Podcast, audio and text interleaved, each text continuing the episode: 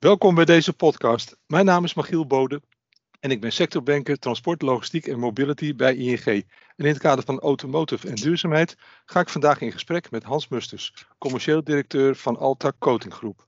Alta Coating Groep levert een totaalpakket coatings en coating-gerelateerde producten aan professionele lakverwerkende bedrijven in de branches automotive, yachting en industrie. Hans, fijn dat je aan deze podcast wil meedoen. Goedemorgen. wat, wat is jouw functie bij Altac? Nou, ik ben uh, commercieel directeur van de automotive divisie. Want ze hebben eigenlijk drie divisies. Dat is yachting, uh, industrie en, uh, en automotive, wat je al zei. En automotive is de grootste afdeling. Die is ongeveer de helft van de omzet. En wat voor, hoe, hoe, ziet jullie klantenbestand eruit in het automotive segment? Ja, dat gaat van heel klein. van van man of twee, drie uh, op de werkvloer tot dan uh, een man of dertig op de werkvloer. En dan, dan moet je denken aan onafhankelijke familiebedrijven tot aan uh, hele grote ketens, dealerketens en, en, en, en franchise-ketens van schadebedrijven. Oké, okay, maar het is altijd wel schade gerelateerd dus? Het is altijd gerelateerd aan autoschade, ja. En, en vrachtwagenschade, dat ook. Ja. Ook dat, oké. Okay. Hey, en wat zijn eigenlijk wat zijn uh, coating-gerelateerde producten? Nou, coating-gerelateerde producten is alles wat, uh, wat gebruikt wordt uh, aan, op het bouwmateriaal van de auto. Dus bijvoorbeeld staal of aluminium of, of kunststof. Het kan ook bijvoorbeeld koolstof zijn. En lak moet eigenlijk een beschermende laag vormen. Maar ja, lak is natuurlijk ook fysiek heel erg mooi om te zien. Dus het, maakt, het maakt ook iets van de auto. Oké, oké, dat snap ik. Dat snap ik. Als autoliefhebber uh, herken je dat uh, natuurlijk wel. Uh, dus het is, het, de focus ligt op automotive. Nou weten we allemaal, de wereld om ons heen is aan het veranderen. Hè? Digitaliseert, dat is een hele belangrijke trend. Een andere belangrijke trend is natuurlijk de duurzaamheid. Hoe, hoe verhoudt schadeherstel autolak zich met duurzaamheid? Wat, wat gebeurt daar? Ja, er was eh, in het verleden werd er maar wat aangerommeld met de basisproducten. Omdat eigenlijk werd er alleen maar gekeken naar wat is de kwaliteit en hoe blijft het zo goed mogelijk vastzitten, om het maar simpel te zeggen. De hechting, ja. uh, de, de corrosiebestendigheid, uh, om dat tegen te gaan. Maar uh, toen werd er, er allerlei producten gebruikt die nu eigenlijk niet meer mogen, zoals chromaten en, en, en, uh, en allerlei andere zaken die eigenlijk zelfs kankerverwekkend waren. En die zijn er langzamerhand allemaal uitgehaald. Maar je hebt natuurlijk ook oplosmiddelen in die lakken zitten. En die oplosmiddelen die, ja, die kwamen in het milieu. Dat zijn zo twee producten. Nou, en die, die moesten natuurlijk teruggedrongen worden. Dus nu zie je dat de meeste kleuren van de auto's uh, behalve misschien voor de vrachtwagens, de, maar de kleuren zelf zijn op waterbasis. Dus als je, als je een, uh, een kleur spuit, dan, dan dampt er eigenlijk alleen maar water uit. Dus geen, geen oplosmiddel meer. Oké, okay, en, dat is, en dat is denk ik ook goed voor degene die met de spullen werkt. Hè? Want het, ja, ja, nou daar moet je wel heel erg mee, uh, mee uh, dat werkt verschillend. Want kijk, iets wat met water oplosbaar is, dat is ook makkelijker op te nemen door je lichaam. Want in je ogen zit vocht en overal door je hele lichaam zit vocht. Oké. Kijk maar eens, als je bijvoorbeeld met latex schildert, uh, dan zie je altijd dat het heel moeilijk van je handen afgaat als het helemaal droog is. Want dat hecht goed op je, op je huid. Oké. Okay, ja, dus je ja. moet wel uh, je goed ja. beschermen. Je hebt even goed maskers nodig in de spuitcabine. Dus koolstofmaskers en afzuiging zit er in de spuitcabine om jezelf te beschermen. Goede overals. Is, is dat nou, is dit onderdeel van de duurzaamheid in, uh, in automotive? Uh, uh, is natuurlijk ook voor een belangrijk deel door wet en regelgeving dat wel afgedwongen zijn en door gezondheidsdingen. Maar is dat iets van de laatste tijd of, of is, is dat al veel eerder begonnen?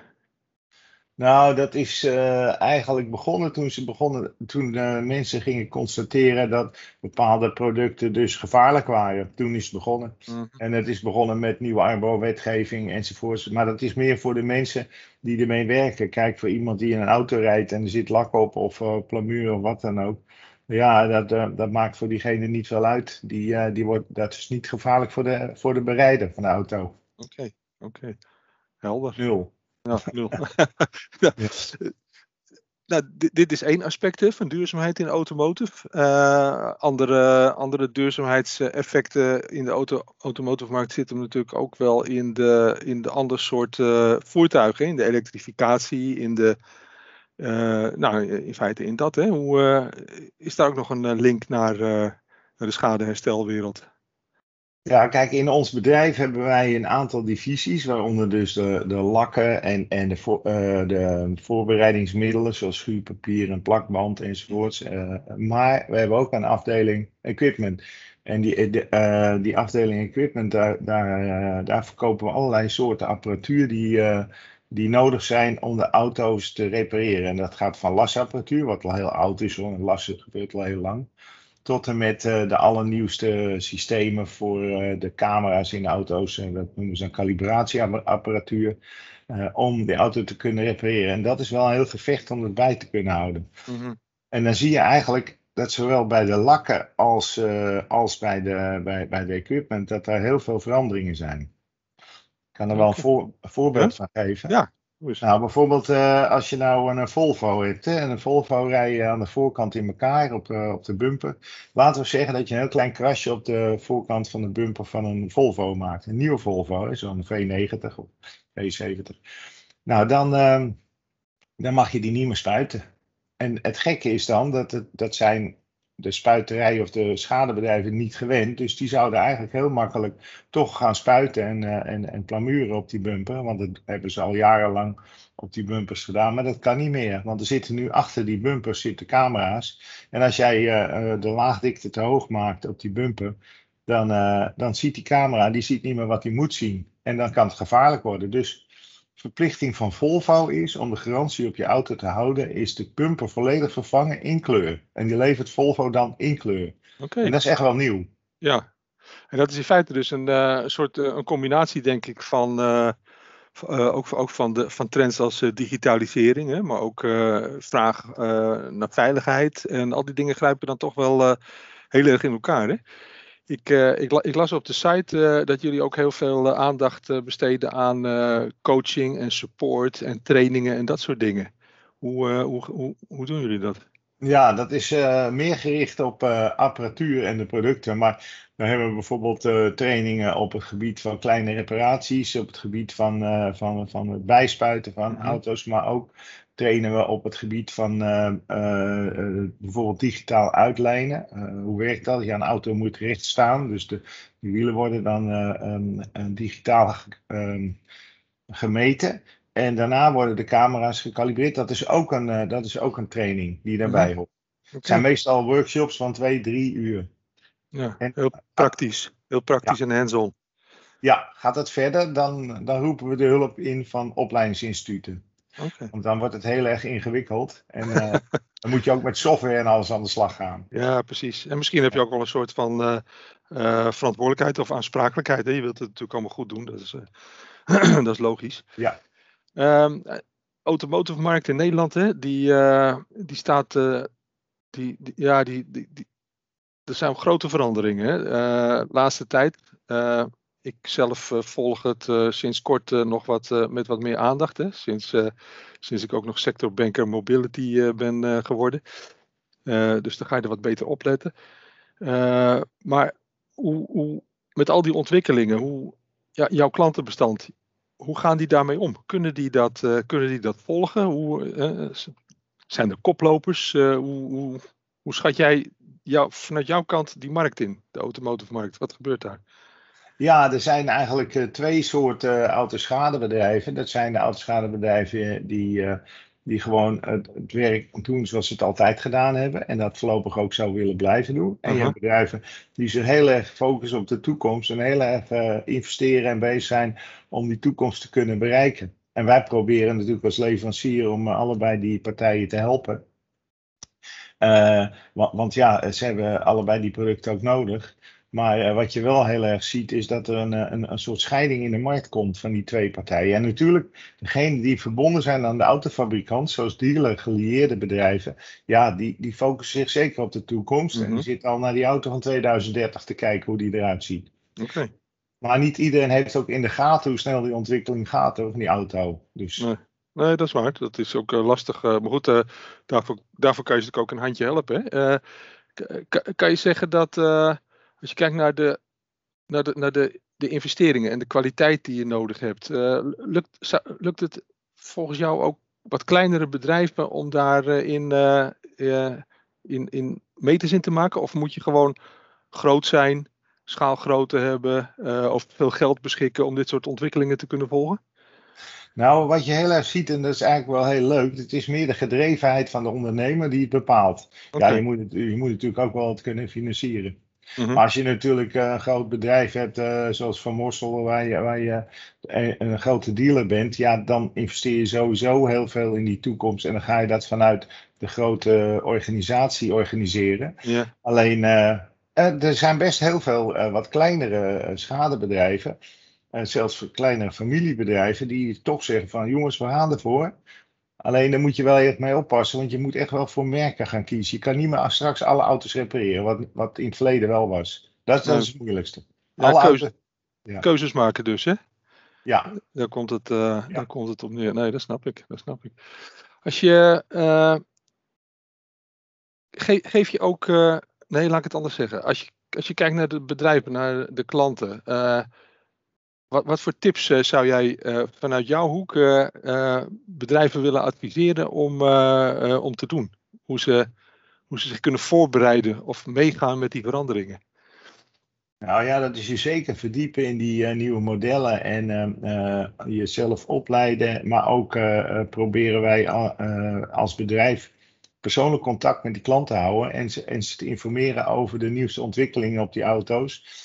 En dan kunnen ze daarop ingaan of niet. Kijk, als je dan zegt uh, uh, wat het allergrootste probleem is voor die bedrijven, dat is nog niet eens van, nou, nou, we gaan die apparatuur aanschaffen of we gaan aan die auto's werken. Maar het gaat er meer om hoe krijg ik mensen die nog gemotiveerd zijn en die de technische kennis hebben om die auto ook te kunnen repareren in de toekomst. Ja. Die mensen kan je haast niet vinden. Dat is het grootste probleem. Ja, ja.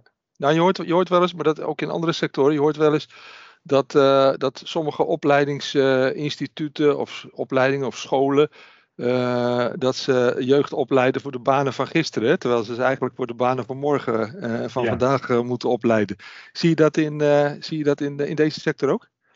Ja, ja je, je ziet een, eigenlijk een ombouw van, van mensen vanuit de onderhoud van de auto's naar de autoschade. Dat is heel apart. Eh, en, en, uh, maar dat komt omdat in het onderhoud steeds minder werk is straks met die elektrische auto's. Maar in de schade is des te meer. Maar het is heel moeilijk om mensen te vinden. Gemiddelde leeftijd in een uh, schadebedrijf, kan je je voorstellen, is ongeveer 47 jaar. Dus dan kan je vandaag. Dat is wel, dat is wel aan de hoge kant, ja. Ja, precies. Ja. ja. en ja, ik denk toch voor de toekomst is het van belang dat je talent, dat je talent aan je weet te binden. En uh, in feite die vergrijzing en die demografie, uh, dat je die voorblijft. Hè? Want uh, het is natuurlijk de dood in de pot. Het is ook allemaal waarschijnlijk niet goed te automatiseren. Hè? In een steeds digitalere wereld kan je dit werk waarschijnlijk niet digitaliseren en robotiseren. Nee, nee, je hebt nog steeds niet spuitrobots die alles kunnen. We zijn trouwens wel bezig met wat equipment die laagdikte kan meten. Waardoor je dus, als je, als je de auto aan het spuiten bent met een spuitpistool, dan meet hij de laagdikte. Waardoor je dan ook uh, een fabrikant kan garanderen dat die laagdikte goed is, zodat voor die camera's die erachter okay. zitten. Dat is wel digitaal. En een spuit die zelf beweegt, net als een auto, die, die, die je hele hand stuurt. Uh, uh, dat soort dingen zijn we wel mee bezig. Maar voor de rest is digitaliseren in de autoschade is inderdaad heel moeilijk en is heel veel handwerk nog. Mooi, mooi. Nou ja, ja. ik weet in ieder geval de, voorlopig nog uh, werk genoeg aan de winkel uh, en een hoop plezier in je werk is ook uh, belangrijk. nou weet ik toevallig dat je ook betrokken bent bij een project wat specifiek gaat over de, het herstel van elektrische voertuigen en de complicaties die zich daarbij kunnen voordoen. Misschien is dat een keer een leuke aanleiding voor een volgende podcast. Ja. als, ik, als ik mag, dan zou ik je er graag nog een keertje voor uitnodigen. Nou, hartstikke leuk. En uh, uh, nogmaals, uh, het was hartstikke leuk om hier aan mee te doen. Maar, ja. maar wat ook heel interessant is misschien, als als toetje. Ja, ja. is dat, is dat wij leveren ook aan, aan de grootste jachtbouwers van Nederland. Okay. En wat je daarin ziet, is dat je in die jachtenbouw, dan zie je ook dat soort nieuwe technieken komen. Dus radar, infrarood, maar ook afstandsbewaking. En, en, en, dat ze automatisch zelf de haven in kunnen sturen en zo, net als een auto nu zelf kan Ja, parkeren. Dezelfde soort camera's en apparatuur. En het is hartstikke interessant om dat te zien. autonoom varen. Nou, dat is toch Ja. eh, gewoon de, de impact inderdaad van digitalisering, eh, duurzaamheid, eh, demografie. Er zijn een hoop eh, dingen die op elkaar inspelen op dit moment. En eh, ja, de kunst is om het allemaal eh, te volgen en eh, elkaar denk ik ook eh, een beetje op weg te helpen eh, met het eh, vinden van de goede oplossingen. Ik, eh, ik wil je graag eh, bedanken voor de, eh, je medewerking aan deze podcast. Hartstikke leuk eh, dat je meegedaan hebt. En eh, graag eh, tot de volgende keer misschien. Ik vond het ook hartstikke leuk, dus dankjewel. En een fijne dag nog. Ja, jou ook een fijne dag.